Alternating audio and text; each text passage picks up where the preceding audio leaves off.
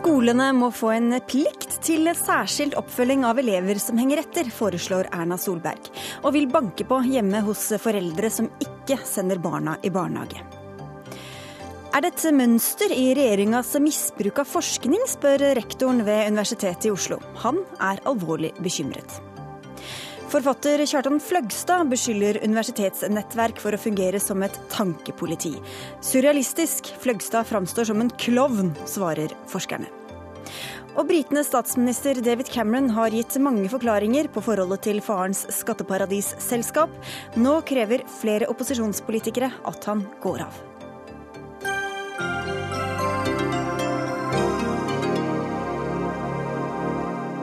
Vel møtt i denne fredagens Dagsnytt 18 på NRK P2 og NRK2. Jeg heter Sigrid Solund. Og aller først i sendinga skal vi til regjeringspartiets Høyres landsmøte på Gardermoen. Etter minnetaler og nasjonalsang gikk statsminister og partileder Erna Solberg på talerstolen og åpnet det tredje landsmøtet siden partiet overtok regjeringsmakta sammen med Fremskrittspartiet i 2013.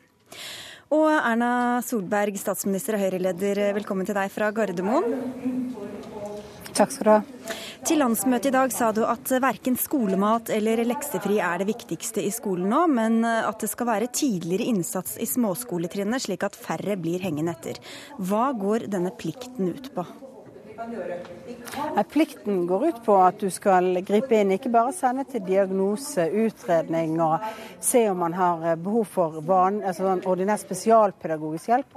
Men når et barn begynner å henge etter, så har skolen plikt til å sette i gang tiltak. Eh, og det skal vi lovregulere. Og så jobber vi jo nå med modellen, ressursinnsatsen og annet. Men det er viktig for oss å si at nå har vi fått kunnskapsløft og kunnskapsfokus i skolen på plass gjennom det. Og så har vi lærerløftet som vi gjennomfører nå. Og det jeg har annonsert, er jo retningen for den nye store skolesatsingen fra Høyre. Og det Kunnskapsløftet viser, det Lærerløftet viser, er at når vi setter oss disse målene, så klarer vi å gjennomføre. Men Tidlig innsats høres jo veldig bra ut, men hva ligger i det? Altså, du sa dere skulle se på det, men følger dem flere ressurser, flere lærere med det her?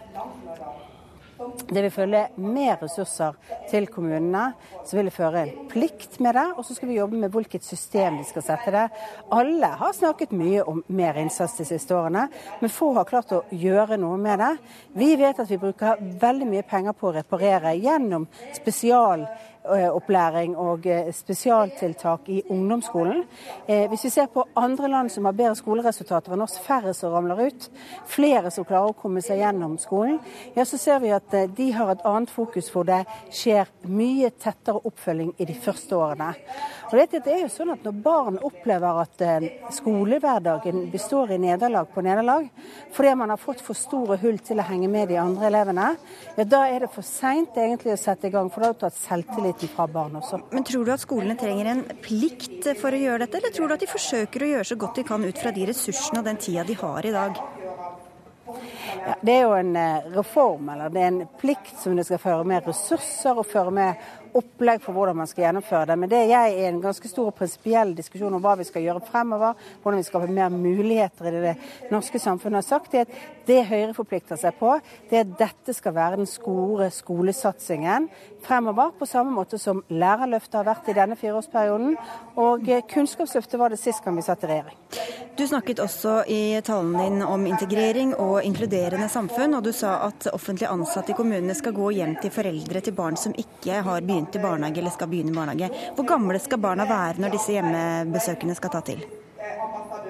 Nei, har, eh, jeg mener jo at særlig i disse årene før, sånn fra fire år og oppover, så er det viktig at eh, alle barn eh, opplever å både kunne lære å mestre et grunnleggende begrepsforståelse, hvordan de skal kunne håndtere det. Så når de er rundt fire år, så skal de oppsøke dem, eller? Ja, ja, da, eller, eller, enda tidligere. Det, det, blir litt mer opp til kommunene hvor, hvor, tett og hvor tidlig. Men vi begynner med det. Vi har sagt dette er en satsing, og særlig rettet ikke bare mot innvandrere, men også mot uh, andre grupper. Altså andre hvor barn ikke går i barnehagen. Vi vet at når du begynner på skolen, så bør du faktisk uh, kunne lære fra dag én. Og da er det viktig at de uh, foreldrene er klar over hvor viktig barnehage er for å skoleforberede et barn. Men hvorfor skal Høyre, et parti som til stadighet hyller foreldrenes og familienes valgfrihet, oppsøke folk hjemme for å forsikre seg om at de bruker den valgfriheten slik staten ønsker at de skal? Vi skal sikre at de gjør et informert valg, og da må vi i dagens samfunn sørge for at alle er informert om de resultatene det er at hvor viktig barnehage er for hvor godt skolen skal gjøre det fremover. Det er helt fint at hvis det er en mor med høy utdanning og god bakgrunn og sier at nei, jeg kan gjøre dette like bra for mine barn, jeg vet hva, hva barnehagen betyr. Men er du en somalisk mor som ikke vet så mye om hva en barnehage er, som ikke vet hvor viktig det er for å komme inn og, og lære godt fra dag én, så tror jeg faktisk at vårt samfunn i fremtiden trenger å være mer oppsøkende, være flinkere til å snakke med dem. Og så, vi, så er det jo gjort før. Men, men hvis den somaliske moren sier at hun ikke vil da, hva skal, det, hva skal staten eller kommunene nei, si da? Eh, da? da? Da er det fortsatt hennes valg å si at det ikke er sånn. Men jeg tror faktisk at eh, foreldre ønsker det beste for barna sine. Og ikke minst de foreldrene som har flyktet og som har reist hit, som er kommet for å få et bedre fremtid for sine barn, har ambisjoner for sine barn, ja, de vil også det beste for sine barn. Og så er kritikken mot forslaget allerede kommet fra Arbeiderpartiet, som mener det er bedre å gi mer informasjon og fjerne kontantstøtten og skaffe flere barnehageplasser enn at kommunene begynner å oppsøke foreldrene hjemme. Hvorfor ikke heller begynne i den enden? Ja, Da snakker vi om situasjonen for de som er ett år gamle. De som er ett til to år gamle. Eh, som i dag får kontantstøtte. Eh, det er jo ikke de det her som er største utfordringen. Den største utfordringen er når de er blitt litt større og bør ha vært innom en barnehage, vært med på å få begrepsapparatet sitt bedre utviklet. Det Arbeiderpartiet foreslår er jo egentlig bare gammel politikk de har. Eh, flere barnehageplasser jobber vi jevnt og trutt i hvert eneste budsjett med å, å, å virkeliggjøre. Men det er ikke på ettåringene dette problemet er størst, det er jo på de som begynner å nærme seg skolealder. Da går jo de aller fleste i barnehage, da. Men jeg må bare helt på tampen her ta et annet Jo, men det er jo, det er jo nettopp, det er nettopp den gruppen som ikke går i barnehage der. Det er de som kommer på skolen og ikke har fått muligheten til å være i et sånt barnefellesskap og få den pedagogiske starten før de begynner på skole. Du, Erna Solberg, det er et annet politisk parti som har landsmøte denne helga. Som eneste parti skal Miljøpartiet De Grønne behandle spørsmål om hvorvidt sykelønna bør ned som et ledd i å kutte offentlige utgifter. En debatt det hylles også av flere på høyresida for å ta. Hvorfor tar ikke dere denne debatten opp på deres landsmøte? Den debatten har vi hatt på veldig mange landsmøter. Jeg tror den har den på hvert eneste programlandsmøte. Men eh, vi har hatt som strategi eh, de siste tolv årene at vi primært skal forsøke å få ned sykefraværet gjennom tiltak som bidrar til lavere sykefravær på den enkelte arbeidsplassen. Og Heldigvis har vi jo sett da at industrien så sykefraværet gått ned. For noen dager siden så var jeg og prøvde en ny postbil på i forbindelse med en åpning. Der fortalte Posten at sykefraværet deres har gått betydelig ned når de har investert i bedre småbiler som Posten kan kjøres ut med, og som folk trives mer med. Det er mange sånne positive tiltak. Vi er enig i at fraværet bør ned. Men spørsmålet og diskusjonen om det betyr at vi skal kutte i de som er syke sine inntekter, ja, det er en debatt vi har hvert fjerde år. Og de siste tre gangene vi har hatt den, så har det altså blitt til at nei, det gjør vi ikke. Vi forsøker de positive virkemidlene. Du får gå tilbake til landsmøtet ditt. Takk for at du var med, statsminister, og vel så viktig i denne sammenheng, leder av Høyre, Erna Solberg. Så skal vi til dem som har iakttatt dette landsmøtet litt fra sidelinja. Det er deg også, Martine Aurdal, du er debattansvarlig i eh, Dagbladet. Erna Solberg fikk mye applaus eh, for eh, talen sin. Er det en partileder og statsminister i medvind vi ser, til tross for alle de ganske store problemene vi også står overfor?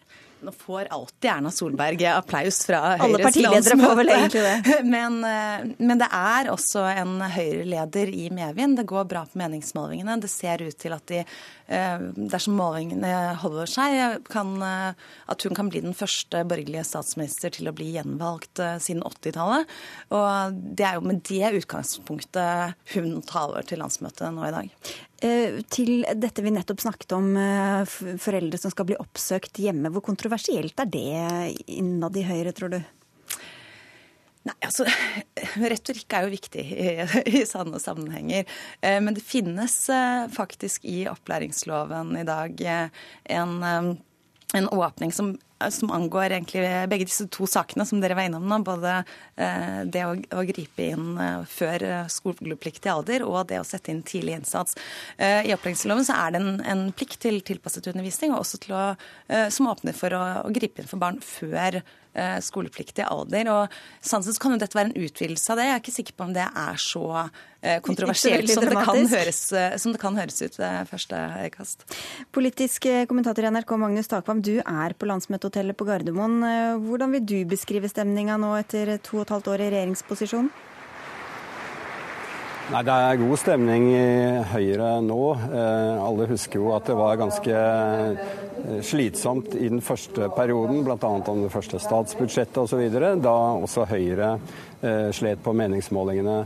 Eh, nå er vi inne i en periode der riktignok Norge har veldig store utfordringer. Oljeprisen har falt. Det er en internasjonal sikkerhetspolitisk situasjon som er utrolig krevende, en flyktningkrise. Men det er regjeringen som på en måte har initiativet hele tiden. Og så langt så ser det ut som at folk mener Erna Solberg og Høyre og regjeringen løser disse utfordringene på en eh, bra måte. Så vet alle at det kan fort snu. Vi var innom dette med sykelønn, eh, som ikke skal opp eh, på landsmøtet denne helga, men som Erna Solberg sa hadde vært diskutert mange ganger tidligere. Men ser vi noen form for kursendring hos, eh, hos Høyre? Altså, man har jo lagt merke til at i programprosessen i Høyre, der programmet skal jo vedtas neste år, så er det kastet ut eh, nye initiativ både familiepolitisk og i økonomisk politikk. F.eks. har det blitt en intern debatt om eh, skattelettene framover trenger å være så betydelige som de har vært til nå. Eh, og i familiepolitikken har eh, et utvalg også relativt for Høyre å være radikale forslag. Jeg opplever at mye av dette er en eh, si, orientering mot sentrum eh, fra Høyres side. Eh, sikkert en blanding av at de mener dette er riktig for, for landet, men man må også se det inn i en sånn 2017-strategi, der jo kampen om sentrum selvfølgelig blir veldig viktig. Men hvis Høyre beveger seg mot sentrum, Martin Hørdal, hva skjer da med samarbeidet med Fremskrittspartiet? Nei, Dette er jo de vanskelige hensynene som, som Erna Solberg må ta.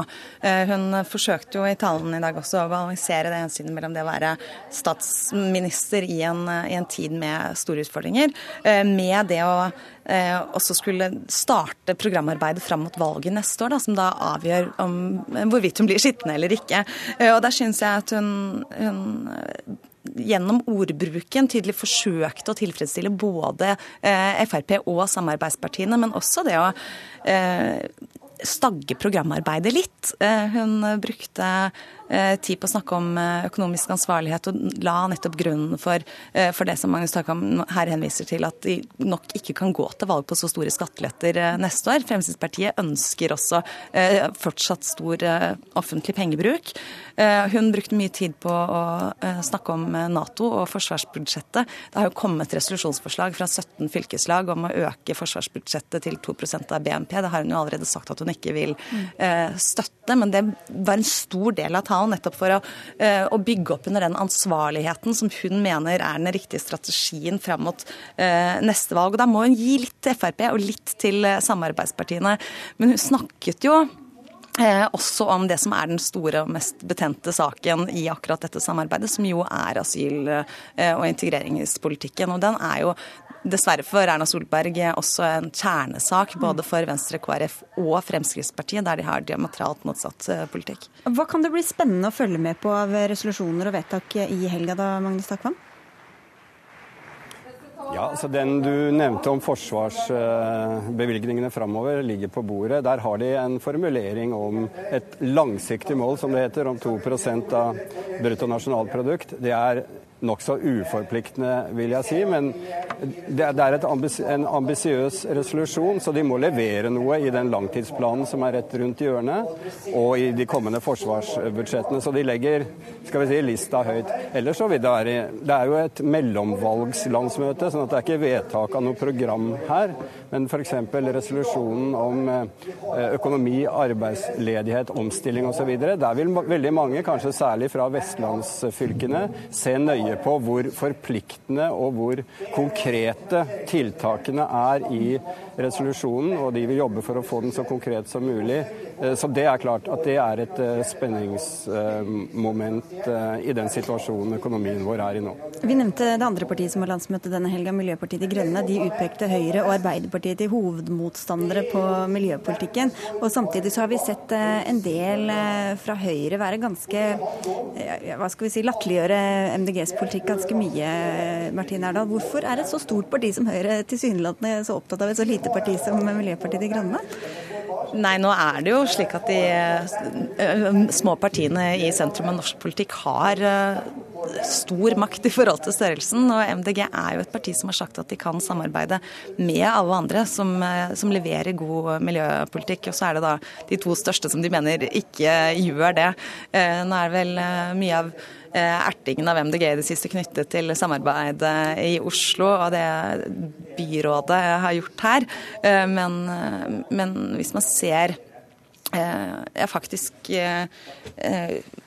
kritikken av MDG på nettet minner jo nesten om Ap-hatet på sitt verste, mens Høyre nok fremdeles ønsker å ha bedre forhold til dem enn det.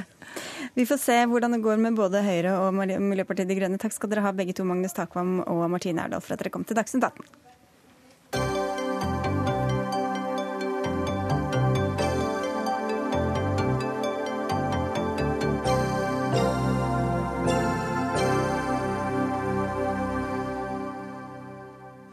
Misbruker regjeringa forskning og forsøker å vri den til å passe egen politikk? De siste dagene er innvandrings- og integreringsminister Sylvi Listhaug beskyldt for å bringe forskning om mindreårige asylsøkere i vanry og bruke den feilaktig. Mens fiskeriminister Per Sandberg har fått mye kritikk fra forskningshold for å forsøke å styre forskninga og kneble og kreve lojalitet fra dem som utfører den, noe han selv avviser på det sterkeste. Men alt dette har ført til bekymring hos flere, bl.a. deg, Ole Petter Ottersen. Du er rektor ved Universitetet i Oslo. Og du spør i bloggen din og gjentar til Dagsavisen om vi ser et mønster nå i regjeringas misbruk av eh, forskning. Ja, det er eh, et eh, riktig og viktig spørsmål å stille. For forskningen er intet verd hvis den styres. Forskningen er intet verd hvis forskningen mister sin uavhengighet. Og eh, det er jo også slik at Hvis man først henviser til en forskningsrapport, så må man faktisk henvise til den på riktig måte. Forskere er ikke noen hellige kyr. Det er eh, greit at eh, en politiker av og til ser bort fra forskning, og at en politiker velger å si at forskning kanskje ikke er relevant og ikke god nok. Men det som er det viktige, er at hvis man først tar i bruk en forskningsrapport for å støtte opp under ønsket politikk, da må man bruke resultatene på riktig måte. Ja, for da var det, I det, i det ene tilfellet er det snakk om å måte, bestille forskning, eh, eller beskyldningene går på det, og i det andre å, å feiltolke den. Hva kan være følgende konsekvensene av sånn, dersom dette er riktig, da, å, å handle på den måten? Ja, Vi må jo berømme sittende regjering for at eh, den satser ganske så mye på forskning. Det satses milliarder av kroner på forskning.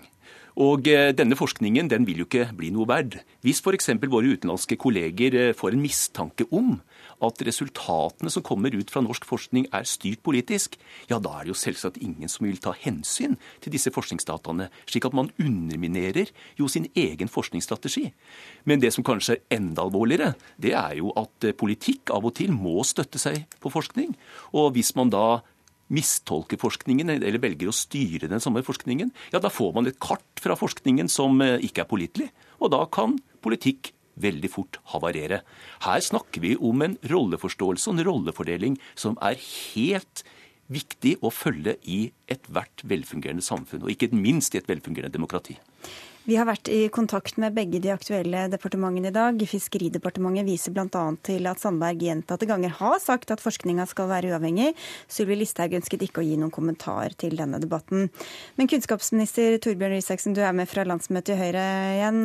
Og du fikk mange henvendelser i kjølvannet av disse sakene, og du har gjentatt flere ganger at forskning må være uavhengig. Men hva synes du da om at det nå sås tvil om regjeringas bruk og tillit til forskning?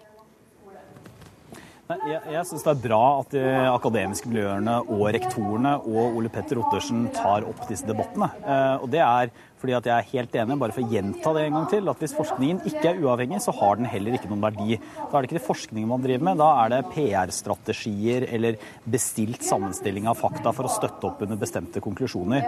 Så, så mener jeg at det er litt viktig å skille de to tilfellene og to sakene som er oppe i denne diskusjonen. Det ene er saken hvor Per Sandberg ble beskyldt for å ønske å styre forskningen. Det har han veldig klart og tydelig sagt eh, etterpå at han ikke ønsker. Det er selvfølgelig heller ikke regjeringas politikk. Eh, og forskning verken skal eller bør styres politisk, det må styres av faglige hensyn. Men forstår du den kritikken som kom mot ham, bare for å ta det tilfellet først, da? Altså, jeg mener at det var veldig viktig at, eh, at, eh, Per Sandberg eh, var helt klar og tydelig på at han ikke mener at forskningen skal styres politisk. Og Det er også det selvfølgelige grunnlaget for regjeringas politikk. Og Jeg har snakket med Per både på telefon og han har vært veldig klar på dette utad, så jeg mener at den saken er nå ryddet opp i. Så er det den andre saken, og det dreier seg om hvordan vi som politikere bruker forskning. Og da mener jeg at det, vi må være flinke bestandig på å skille mellom hva forskningen sier, og hvilke politiske konklusjoner vi trekker av forskningen. og Det er et generelt poeng. Og Det betyr at, det betyr at eh, man kan godt vise til forskningsrapporter og vise til at det underbygger et resonnement, men så må man være tydelig på at det politiske resonnementet, det er jo vårt ansvar som politikere å stå for. Ja, Ottersen, Er forskerne ikke flinke nok til å skjønne at politikerne må ta mange andre hensyn, og at uh, forskning er bare én del av det, og så er det økonomi og politikk og alt mulig annet som skal komme i tillegg? Med all respekt eh, til vår egen minister, jeg synes nok at her blir problemstillingen fremstilt litt skjevt. Det er ingen forskere som vil leke politiker. Her har vi en rollefordeling som er veldig klar. Jeg gjentar det. Det er forskningen som skal støtte opp under politikk. Og da, hvis man velger å bruke en rapport for å støtte opp under politikken, ja, da må man bruke resultatene riktig. Og det er det som er tilfellet nå. Vi ser jo at de som har utformet den forskningen som Listhaug nå uh, lener seg på, de sier jo at ja, men det er jo ikke slik vi uh, har konkludert. Og Listhaug får jo da muligheten til å rette opp dette uten å så gjøre. Det er det som er alvorlig. Ingen forsker ønsker å bli politiker. Det er en rollefordeling her, og det er den som forstyrres gjennom det som er gjort nå. Røyseksen. Men, men, men, eh, ja, men, Ottersen, jeg har heller ikke Det er du som sier det. Altså, jeg har ikke anklaget noen forskere for å ville leke politikere i denne saken her. Det er overhodet ikke mitt poeng. Mitt poeng er snarere å si at det er viktig eh, at, eh, at, man skiller mellom hva som er forskningskonklusjoner, og hva som er politiske meninger. Men gjorde Sylvi Listhaug det, det etter ditt syn? Altså, Sylvi Listhaug har jo også sagt eh, at, hun, eh, at, eh, at, gjengivelsen av disse rapportene i kronikken For det er viktig at her snakker vi ikke om den proposisjonen som regjeringen har levert til Stortinget, hvor dette er utbrodert og utdypet eh, grundig og godt, men vi snakker om i en kronikk. Hun har jo selv sagt at det ikke var en pre særlig presis gjengivelse av det som sto i forskningsrapportene. Nei, men Hun fastholder jo at tolkningen var innafor. Det, det, har de jo sagt i etterkant også. Så sier departementet at denne tolkningen ja. var innafor. Jo, men Det er der jeg mener at vi må være flinke som politikere til å skille mellom hva som er våre politiske meninger og våre politiske eh, standpunkter. Ja, men det der jeg spør deg også om, om det ble ja, gjort i dette tilfellet. Sier Altså, Jeg har ikke lest disse forskningsrapportene, så jeg kan ikke gå inn i substansen her. Men hvem stoler du mest på da når eh, forskerne så, men, men sier at det ikke var riktig? Jo, altså jeg, jeg, når forskerne sier at, eh, altså Det forskerne sier, er at det er ikke belegg for å si eh, i denne rapporten, som psyko, psyko, psykologiske rapporten, at det er ikke belegg for i den rapporten å si at dette dreier seg om tvang for de barna som er der, med unntak av ett tilfelle. Men så beskriver de også en situasjon hvor disse barna da er inne i, type familieråd, hvor de blir tatt med på råd, og så blir de sendt ut. Eh, og Da mener jeg at eh, da burde vi som politikere, da må vi som politikere være veldig klare på at dette er det forskningsrapporten sier, og så har vi politiske standpunkt. Eh, men vi kan ikke ta forskning til inntekt for noe som ikke står i en da, forskningsrapport. Da må jeg bare spørre deg en gang til. Ble det gjort? Ja, det har du sagt, men ble det gjort i, ditt, i dette tilfellet etter ditt syn? Nei, altså, når, når, den diskusjonen kommer, så betyr det at det ikke har vært klart nok hva som har vært politiske meninger, og hva som har vært en forskningsrapport. Eh, men, men, men, dette er da også en kronikk som har litt andre formatkrav. Men jeg mener at det gjelder også, for, eh, også i denne saken. Så gjelder det at vi som politikere må være flinke på å skille mellom hva som er forskningen, og hvilke konklusjoner den trekker, og hva som er våre politiske standpunkter som, eh, som partifolk. En av de setningene som eh, forskerne ved Psykologisk institutt henviser til eh, når de snakker om at forskningen deres ikke er brukt på riktig måte, er en setning som står ord for ord i stortingsproposisjonen som går på innstramninger i innvandringspolitikken. Så det er ikke bare denne ytringen som Listhaug har skrevet det dreier seg om. Det dreier seg også om et offentlig dokument som tas fram av de forskerne som faktisk står bak denne undersøkelsen. Og eh, jeg synes jo nå at eh, det burde være enda tydeligere fra regjeringens hold at eh, den bruken som blir gjort i dette tilfellet av forskningen, jeg vil kalle det misbruk, at det tas avstand fra den. Jeg føler at her er det ikke klare nok signaler fra regjeringen på akkurat dette meget alvorlige punktet. Men jeg må bare spørre deg også, fordi Dette forslaget som eh, Listhaug fremmet uh, i forbindelse med denne forskningen, er jo kontroversielt. Kan det også være at forskerne måtte, ikke trives helt i den settingen de blir satt i, fordi dette er så betent politisk spørsmål? Nei, forskere skyr ikke banen, selv om det kommer sensitive ting opp under for debatt eller diskusjon. Forskere er vant til å jobbe med politisk sensitive ting. Det er ikke det det dreier seg om. Det det dreier seg om, er hvordan man bruker de konklusjonene som da forskerne kommer fram til. Og som sagt igjen, man kan godt velge å neglisjere konklusjoner. Man kan godt eh, velge å se bort fra forskningsrapporter. Poenget er hvis man først bruker dem, så må man bruke dem riktig. For ellers så underminerer man forskningens legitimitet, og man underminerer Norges posisjon som en seriøs forskningsnasjon. Hvordan kan man bruke forskning i det hele tatt, Røe Isaksen, uten å sikre seg at det man faktisk refererer til er eh, korrekt og i, i samsvar med det forskerne selv mener de er kommet fram til? Men det er der jeg, er der jeg mener at, eh, at, Ottersen også uh, kan være enda mer presis på, på, uh, på, det jeg tror han mener. Uh, for det han mener, er jo altså, hva, man, hva, man, legger til grunn for et politisk standpunkt.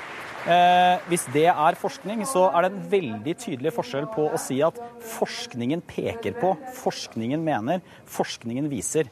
Da legger man konklusjoner til forskningen, og da må det være i pakt med det man har funnet i forskningen. Eh, noe annet er å si eh, dette er forskningsdokumenter som vi har brukt i dette arbeidet. Våre politiske standpunkter er.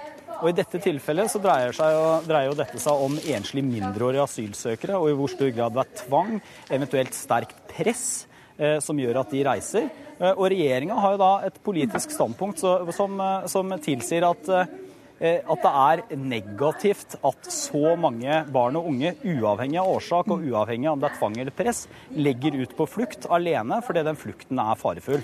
Men det skillet mellom hva som er forskningskonklusjoner og hva som er våre politiske standpunkter, det tror jeg Ottersen er helt enige om. Jo, men et, et, politisk standpunkt virker vel også mer mm, begrunnet og legitimt dersom man kan vise til forskning som understøtter det man sier? Og hvis den forskningen jo, det, da likevel ikke jo, det, gjør det, så det er, det er, ja, og det er helt klart. Og der er det, der er det mange, mange farer. Altså det kan være at uh, både politikere og andre at Jeg sier vi nå. Vi driver med f.eks. cherrypicking, altså som det kalles. Dvs. Si at man velger ut konklusjoner som støtter opp uh, ens egne standpunkter. Uh, ofte så vil det være sånn på skolefeltet f.eks. så er det veldig lite forskning hvor det er hvor det er helt entydig klare svar som det er mulig å sette to streker under. Og Da mener jeg det riktige da er å si f.eks. at noe forskning peker på, noe mm. forskning peker i retning av. Altså at man, ikke, at man, ikke, sier at det er bastante konklusjoner basert på, okay. uh, basert på forskning. Vi må slippe til Ottersen helt på tampen her. Ja, jeg hadde håpet at denne debatten nå rett før helgen skulle klare opp i eh, den saken vi nå diskuterer, og det har den dessverre ikke gjort. Og det syns jeg er veldig synd. Fordi at det er ikke slik spørsmål spørsmålsstillingen er, slik som eh, vår statsråd nå sier.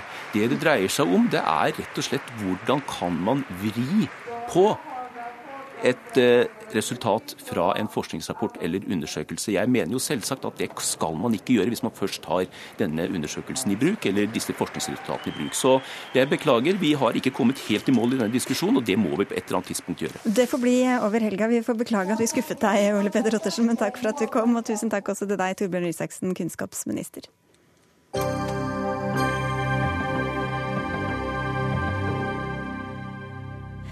Panama-avsløringene skaper også bruduljer i britisk politikk. For Først sa han at det var en privatsak. Så sa han at han ikke drar nytte av plasseringer i skatteparadiser.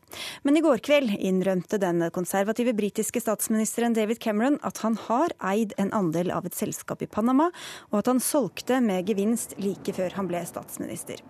London-korrespondent Espen Aas, hva mer har Cameron sagt selv om det han har gjort eller ikke gjort, og hva er det han har unngått å si? Han har vel vært eh, aller mest opptatt der han satt med svette på overleppen og, litt rød i, toppen på, på ITN i går, så er han mest opptatt av å forklare at eh, jeg har ikke gjort noe galt, snarere tvert imot. Jeg var opptatt av å gjøre det eneste riktige, nemlig å ikke sitte med denne eierandelen i dette selskapet, som uh, for øvrig var eid av Camerons avdøde far, da han gikk inn i rollen som landets øverste politiske leder.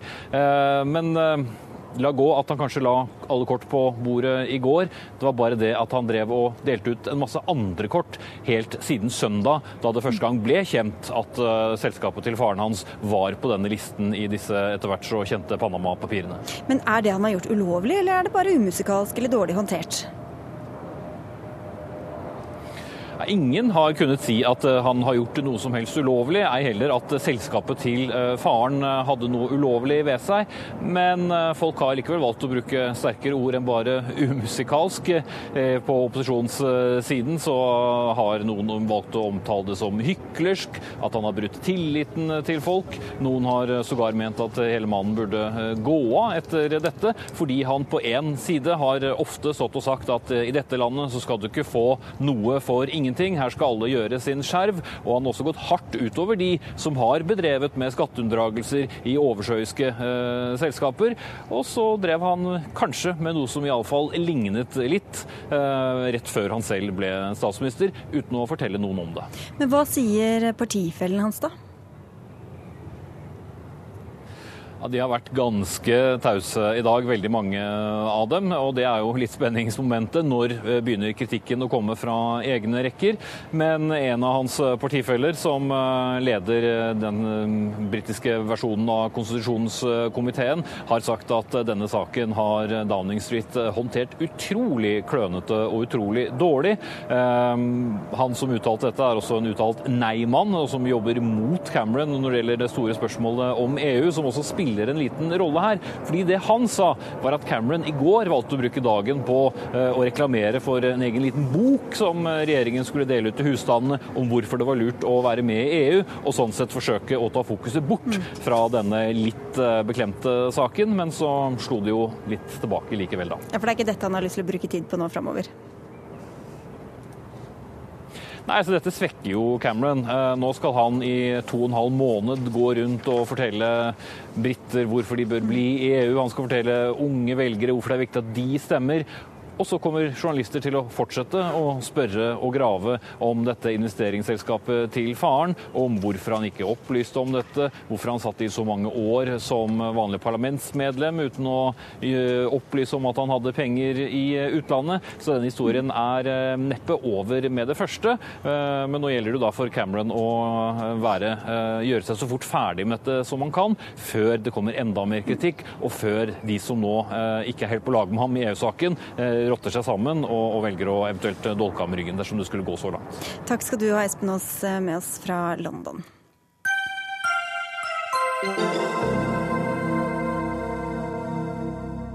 Bernt Hagtvedt og Nina Wittusek er blant forskerne som får gjennomgå av Kjartan Fløgstad i den nye boka hans. I essayform, i utgivelsen 'Etter i saumane kultur og politikk i arbeiderklassens 100 år', går forfatteren til angrep på Universitetet i Oslos nettverk for studier, studier av totalitarisme og demokrati.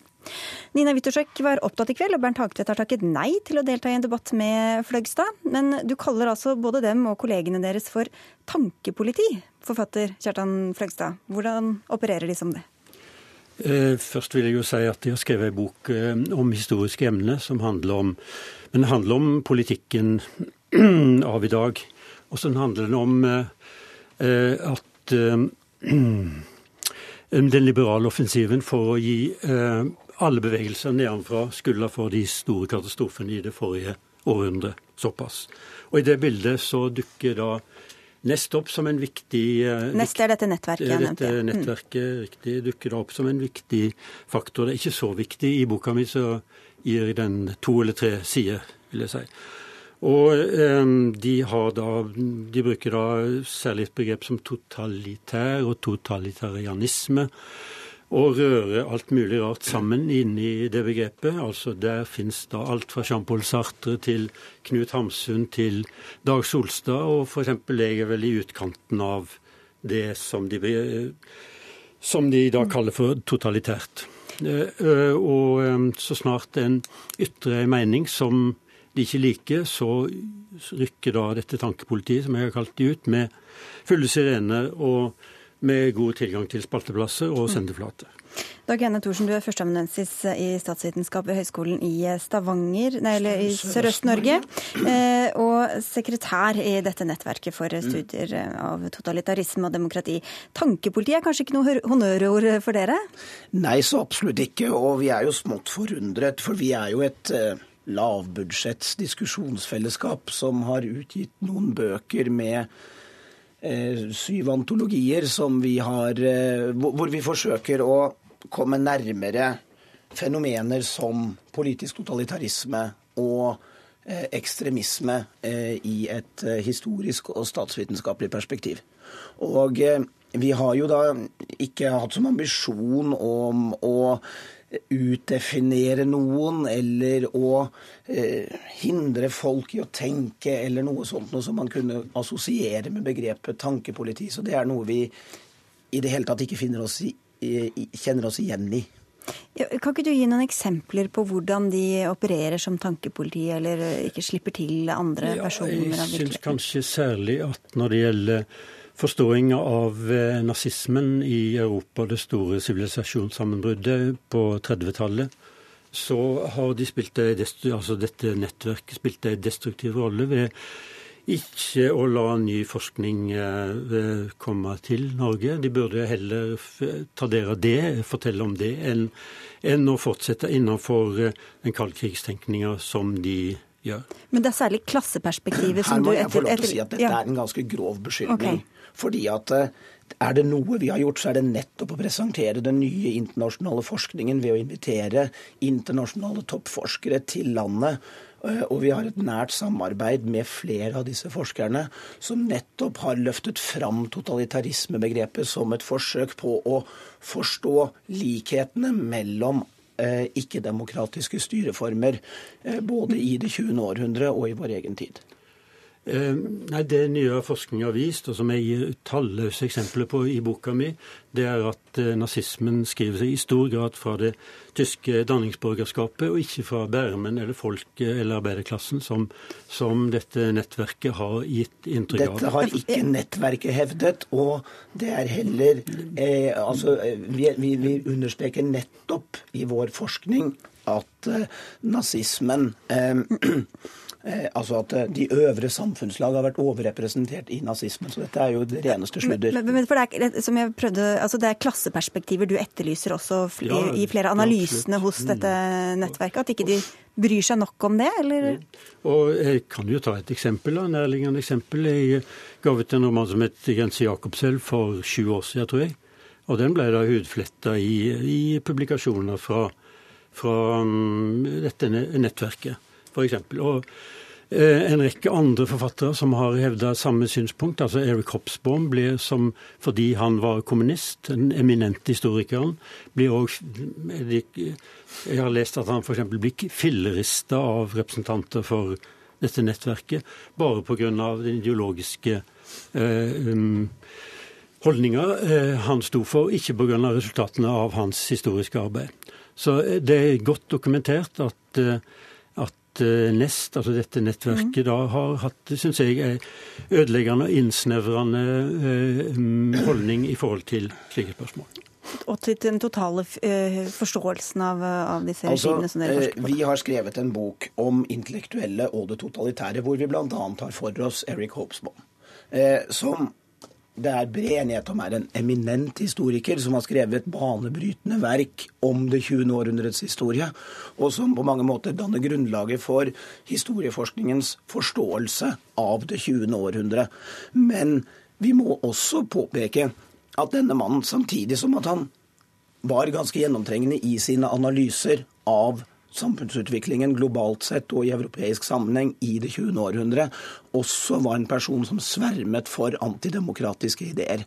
Og at eh, denne dobbeltheten hos de intellektuelle at de både kan være briljante, nyskapende tenkere og samtidig også sverme for antidemokrati, for undertrykking, for regimer som bedriver tortur og vilkårlige fengslinger. Det er noe som vi som forskere er interessert i. Hvordan ellers oppegående mennesker kan være så blinde overfor det 20. århundrets aller verste regimer.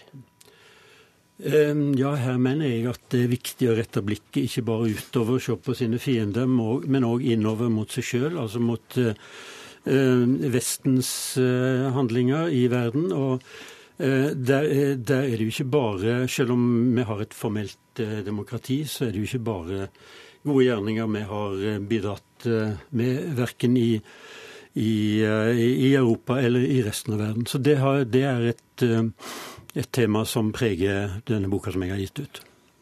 Du sier at det handler om også, eller er en del av borgerskapets generelle demonisering av arbeiderkulturen? Ja, det er det mange eksempler på eh, eh som jeg trekker side opp på sidene. Det er f.eks. en engelsk forfatter som har skrevet bok som heter Chav, som heter The Demonization of the Working Class.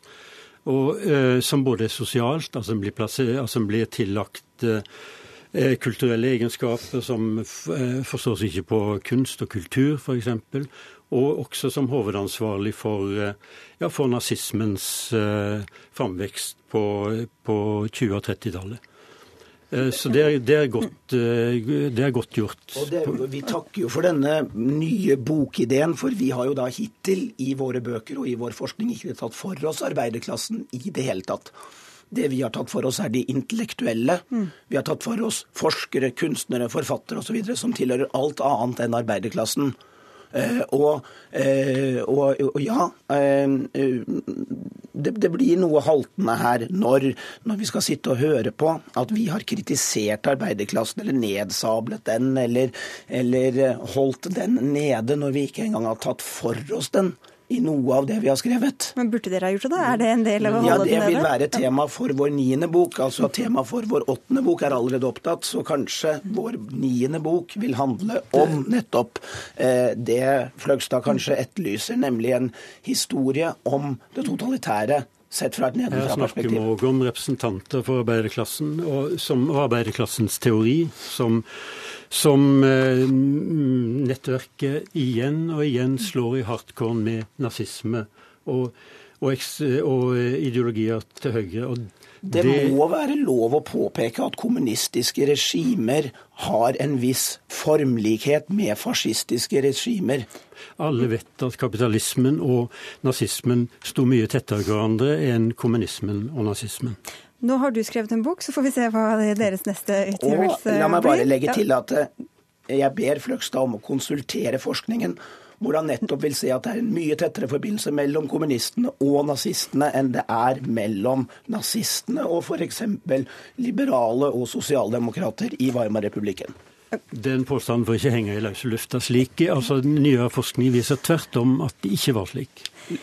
Bare i Dagsnytt 18 tror jeg vi kan si eh, om denne debatten. Takk skal dere ha begge to for at dere kom, i hvert fall forfatter Kjartan Fløgstad og Dag Einar Thorsen fra, eh, førsteamanuensis i statsvitenskap ved Høgskolen i Sørøst-Norge.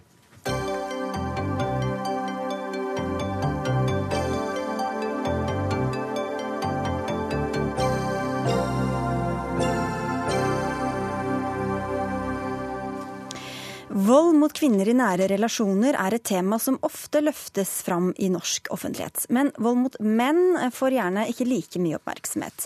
Det forsøkte Reform ressurssenter for menn å gjøre noe med i påsken, bl.a. gjennom denne informasjonsvideoen.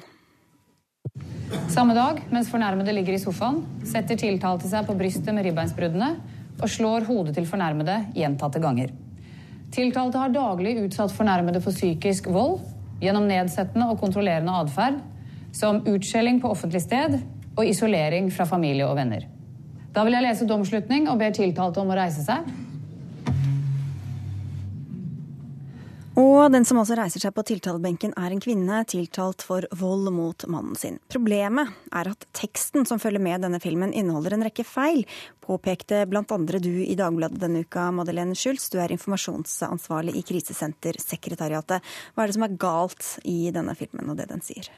Det er jo altså den eh, teksten som kommer til slutt, eh, som handler om at 18 eh, 000 menn blir utsatt for grov vold fra en kvinnelig partner hvert eneste år.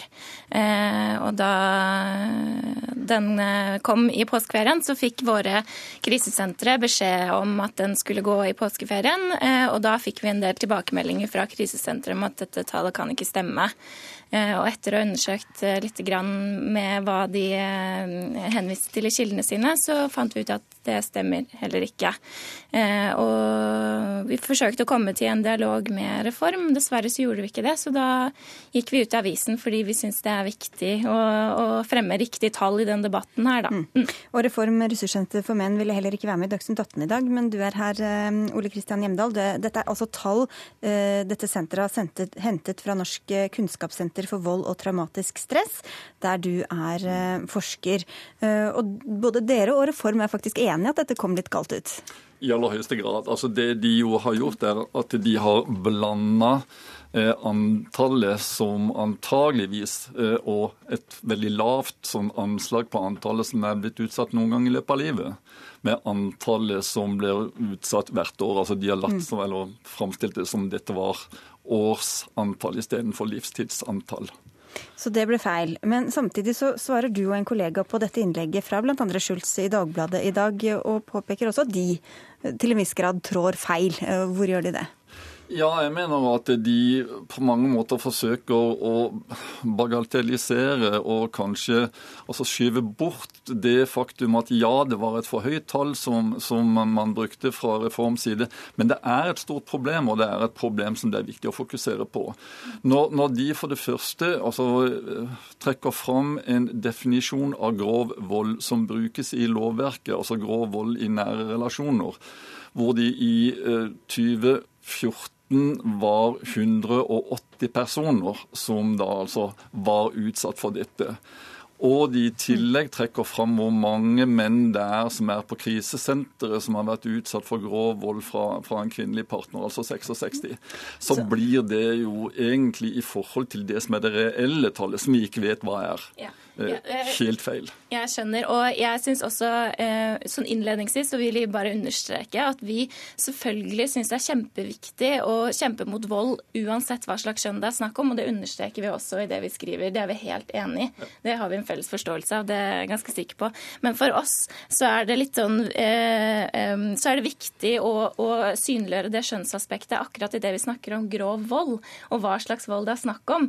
Fordi det er jo det vi også reagerer litt på. fordi hvis man snakker om fysisk vold i seg selv, så kan jo det også deles inn i alvorlig og mindre alvorlig vold.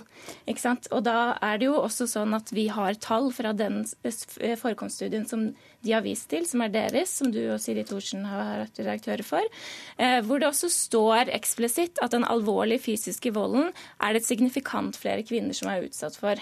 Så du tror ikke at problemet er så stort med kvinner som utøver grov vold mot menn? Men det har ikke noe med det å gjøre. Poenget her er at vi var opptatt av å korrigere fakta som vi opplevde som feil, og det syns vi er viktig, og det er vi tydeligvis helt enig i her. Vi er helt enige, men samtidig så, så syns jeg det er viktig at vi også sørger for å holde et fokus på et problem som har vært underkommunisert. Mm. Altså Det har vært for lite fokus på at menn ut, også menn utsettes for alvorlig vold fra partner. Ja, men Det er også sånn tilfelle at volden mot kvinner er jo også underkommunisert her. og Det er jo noe med den synliggjøringen du snakker om i den teksten dere skriver, at den synliggjøringen av kvinner også eh, blir det jo hvis man går ut med feil fakta om hva tilfellet er. Fordi Hvis det er sant at 18 000 menn blir utsatt for vold av partner hvert eneste år, så vil jo det si at det er i realiteten flere enn det virkelighetsbildet av kvinner eh, er. Så da vil jo nesten være, det vil jo være en sensasjon, på en måte, nyhetsmessig. Men har vi jo konkludert med at det ikke er altså, riktig, da? Dette er vi jo enige om at det er riktig tall. Og vi har jo slett ikke altså, gått ut med noen tall med 18 000. og eh, men poenget som vi også jo har tatt opp i denne artikkelen, er at eh, å underkommunisere og ikke fokusere også på den volden som menn utsettes for. For det første så er det Men det har jo ikke vi gjort. Nei, men altså Jo, men det effekten av artikkelen kunne bli det. Jeg sier ikke at dere har hatt noen intensjon. Vi må kunne snakke om at kvinner også blir utsatt for vold. Ja, det er jo viktig. Og jeg, jeg reagerer litt på at NKVTS syns at det er feil at vi korrigerer feil fakta. Nei, vi syns ikke det er feil at dere sier at det tallet til reform var feil. Mm. Jeg skulle ønske at dere hadde sagt som så at det er kjempeflott at Reform tar opp denne problemstillingen, men de var litt uheldige i tallene sine. Men virker det, virker det også ellers som om Krisesentersekretariatet er um, nesten bare opptatt av vold mot kvinner og ikke så opptatt av vold mot menn? De har endra seg. Altså, det har jo helt klart, Jeg har holdt på med dette i 20 år, og det er helt klart at eh, holdningene eh, både fra Krisesentersekretariatets side og eh, fra, fra, altså i samfunnet generelt har forandra seg. Derfor så opplever jeg jo at vi egentlig er passert en strid med altså kvinner kontra menn. Vi snakker om voldsutsatte først og fremst, som vi må fokusere på. Og vi er helt enige om at dette er et problem som ja, det rammer kvinner fem ganger så ofte som menn. Det er vel så store konsekvenser eh, av denne volden for kvinner som for menn, selv om den forskjellen kanskje er mindre enn man tidligere har ment. Jeg må bare si at jeg opplever at det er litt sånn merkelig at det blir liksom eh, tegnet opp et slags fiendebilde her. fordi jeg føler ikke at eh, kampen mot vold mot menn og kampen mot vold mot kvinner står i kontrast til hverandre. Det er en felles kamp som er viktig å jobbe for. Også den volden som rammer kvinner. og Det var derfor vi hadde lyst til å synliggjøre at de tallene er feil. Fordi de peker på noen strukturer i samfunnet som handler om kjønnsrollesystemet vårt. Så da kan vi bli enige om alle sammen at tallene var feil, men problemet er likevel viktig å, å, å kjempe mot. I aller høyeste grad. Både for kvinner og menn. Da endte det ikke godt eh, på, på, den måten, men i hvert fall i full enighet her i studio. Takk skal dere ha begge to, Madeleine Schultz fra Krisesentersekretariatet og Ole Kristian Hjemdal, forsker ved Norsk kunnskapssenter for vold og traumatisk stress. Takk.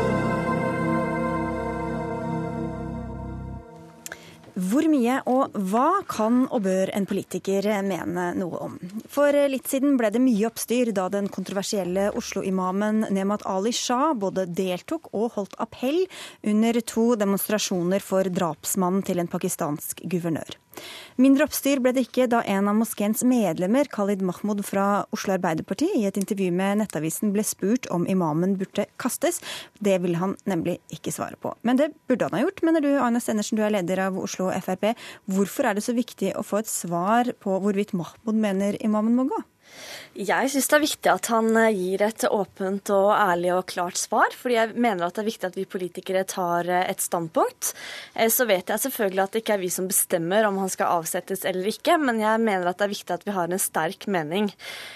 Og så går forslaget mitt også, som jeg har foreslått mange steder, det går jo på at vi skal utvise de som ikke har norsk statsborgerskap. Sånn at vi ønsker ikke å utvise han, men vi ønsker at han skal avsettes, og det er viktig. Og så er det også fordi han støtter drapet på en politiker. Eh, og det er en veldig kontroversiell og ytterliggående handling. Ja, denne imamen, altså. Ja. Eh, Khalid Mahmoud, du er altså bystyrerepresentant i Oslo Arbeiderparti. Og i Dagbladet i dag skriver du at eh, du mener dere politikere av prinsipp ikke skal løpe rundt og proklamere hvem som skal stå i en stilling, og hvem som ikke skal. Hvorfor skal dere ikke mene om det? Ja, Det er fordi at vi har jo en begrensa uh, mulighet til å påvirke altså hvordan en organisasjon skal drives, hvordan en institusjon skal drives. Men det som egentlig kommer rett under oss politikerne, der skal jo vi ha klart og tydelig si at den og den kan vi avsette. Men der vi ikke har noen myndighet, der vi ikke har noe kontroll på, der syns jeg vi skal i hvert fall begrense oss til å si hva vi mener. Og i denne saken så hadde jeg sagt klart og tydelig fra at jeg fordømmer denne handlingen fra den imamen. Jeg hadde sagt ifra at til og med kalt dette hans opptreden for å være idiotisk. Slik at jeg var veldig klar. Og så ble jeg spurt om jeg kan svare på om han bør kasse eller ikke kasse. Så det er ikke jeg som bestemmer, men at hvis jeg ble spurt om råd, så vil jeg gi et et godt råd. Og underforstått eh, kan vi jo tolke her mellom linjene at han mener at han ikke burde sitte der. Hvorfor holder ikke det for deg, Stenersen? Jeg tolker det som at han ikke tør å ta et standpunkt. At han ikke tør å si at denne imamen skal gå av. Eh, og de holdningene og verdien som den imamen står for, det ønsker jeg å gi et klart signal om at vi ikke aksepterer i Norge. Gjort. Men han har sagt at han ønsker å gi rådet direkte om han skal gå av eller ikke, kun direkte til styret. Og jeg ser ikke noen grunn til at han ikke kan proklamere det offentlig og si hva han mener, sånn som jeg gjør.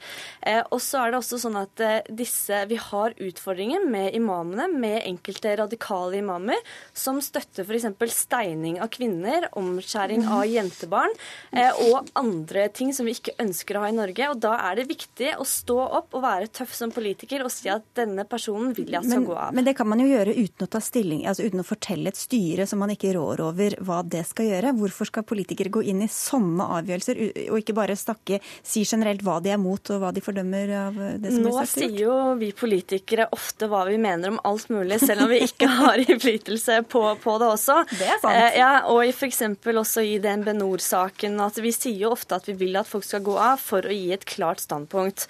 Eh, og det mener jeg er utrolig viktig i denne saken her, for her handler det også om frihet, det handler om verdier, eh, det handler om kvinnesyn, det handler om barn, og det handler om likestilling. Og det er en stor moralsk og verdimessig debatt. Ja, hvis dere bare skal uttale dere om det som ligger direkte innunder deres makt, så blir det litt Altså, lite igjen å diskutere. Nå prøvde Eina å sammenligne DNB, og det som er forskjellen fra oss, det er at DNB eies av staten, og der har politikerne innflytelse. Men det ei, vi eier ikke moskeen, det er styret som egentlig som styrer den moskeen. Eh, samtidig så må jeg også få lov til å si at Fremskrittspartiet er veldig selektiv når de går ut og kaster folk fra den ene eller andre stillingen. Vi hadde jo en sak med Max Hermansen, som er lærer i Oslo-skolen, som har gått ut og vært talsmann Pediga, altså Pegida, Mm. som er en eh, antiekstremistisk antiekstremistisk eh, organisasjon på ytre høyre, og det var ikke noe problematisk for Fremskrittspartiet. Så de har jo en dobbelt standard i forhold til hvem som skal kastes og hvem som ikke skal kastes. Men jeg var jo veldig klar og var krystallklar hva som var min holdning. Og samtidig så ville ikke jeg på en måte komme Du og legge mente heller ikke at han skulle kastes, eller? Eh, Hvem? Max Hermansen? Nei, altså jeg mente at det var en sak som var Utdanningsstaten og byrådet som skulle håndtere, men Fremskrittspartiet nesten forlangte at han skal sitt, stå i stillinga, fordi de mente at hans standpunkter og hans ekstreme holdninger var helt greie. Eh, Så jeg mener det er jo to forskjellige ting, hva Fremskrittspartiet går og hvor klarer tidlig. Men jeg mente at jeg er i hvert fall meget klar. At jeg mener at når jeg har tatt stand, avstand fra denne holdningen til imamen, jeg har sagt hva jeg mener, og jeg mener at når jeg ikke har en myndighet til å avsette noen, hvorfor skal jeg løpe rundt og proklamere noe som jeg ikke kan eh, på en måte effektuere eller kan være med på å bestemme? Ja, Nå trekker du inn to forskjellige eksempler her også. Og han eh, Max Hermansen han har jo ikke støttet drapet på en politiker. Eh, Denne imamen har jo støttet nettopp et drap. Men Eh, Pegida, eh, hva Pegida men- står for, Reina, og vær så snill, la, la, la oss være helt Nei, ærlige. nei, Pegida er en ekstremistisk ferdig. organisasjon som står for høyreekstremisme, og vi vet hva høyreekstremisme har påført Europa. Men Jøder under annen verdenskrig, minoriteter, Okay, for, og det er høre. samme tankegangen som vi går slett- og eh, reklamerer for. Jeg støtter ikke, jeg støtter ikke alt det Pediga gjør i det hele tatt. Det gjør jeg ikke. Men jeg sier at dette her er en imam som har støttet drap, og vi aksepterer ikke det. Så syns jeg også det er merkverdig at man kan ha meninger og synspunkter om at oppførselen er tåpelig, men ikke si at han eh, ønsker at han skal gå av. Eh, Og det er liksom typisk for Arbeiderpartiet, for jeg føler ikke at Arbeiderpartiet tar debatten. Det er noen debatter de unnviker. Og så ønsker jeg også å ha en debatt om imamene som er radikale i Oslo. Hva skal vi gjøre med de? Eh, Og dette her er jo ting som vi ikke kan akseptere, og jeg vil ha debatten enda videre, og det er det jeg ønsker at Arbeiderpartiet skal komme på banen og ta den debatten. Jeg vil bare spørre deg, Mahmoud, også, for Du er jo også medlem av denne moskeen. Kunne du ikke uttalt deg som medlem da, ikke nødvendigvis som men det er det jeg sier. Altså, arbeiderpartipolitiker? la meg få lov til å i hvert fall si én ting klart. Mm. Jeg er helt klart og tydelig på, og Arbeiderpartiet har også det, at vi aksepterer ingen imamer i Oslo som er ekstremister eller som støtter vold, eller som egentlig ikke respekterer norsk lov. Vi er meget klar på dette. Vi mener det er helt, eh, helt og holden uakseptabelt. Men samtidig, når de sier at jeg mente at jeg har i hvert fall sagt ifra hva jeg mener om dette her, kanskje jeg på eh, privat eh, på tomannshånd har kanskje gitt uttrykk for hva jeg mener, men jeg mener at jeg kan ikke, når jeg ikke sitter i styret, jeg har ikke vært med på å velge det styret, jeg har ikke vært med på å ansette imamen, men at de, hvis de var kloke nok, så ville de skjønne hva jeg mener, og hva de mange andre mener, at de vil ta den saken i egne hånd Ja, og blir ikke- ordne opp i det. Men det er flere andre medlemmer som har gått ut og krevd at han skal avsettes. Så hvorfor kan ikke du si at nå tar jeg medlemshatten Fordi på og sier at han skal avsettes? Fordi jeg var spurt i egenskap av å være politiker og ikke som medlem av den menigheten. De sa du som politiker, hva mener du? Og jeg mener at det er noen prinsipper jeg har. Jeg mener at vi politikere i hvert fall prøver å begrense oss til noe som skal være ordentlig og Men skikkelig. Hvis jeg spør deg som medlem, da? Ja, altså jeg mener at jeg, Det er helt uakseptabelt å godta en imam som støtter ekstremisme. Uakseptabelt. Men han vil ikke svare på om han skal gå av eller ikke. Det er jo kjernen. Ja, men altså, Han eh, kan gjerne kan gå av for meg. Hvis han går av, så skal ikke jeg felle noen tårer. Jeg skal støtte styret helt og fullt ut. Men det er ikke jeg som egentlig som skal kaste ham. Det er de som skal kaste ham, det er de som skal gjøre det. Men Det er lov å ha en mening i samfunnet. Ja, min mening er at jeg tar avstand. okay, vi er nødt til å avslutte. Aine Stensen Kallemann, takk skal dere ha for at dere kom til Dagsnytt 18. Dag Dørum, Finn Lie og Sigrid Solund ønsker god helg.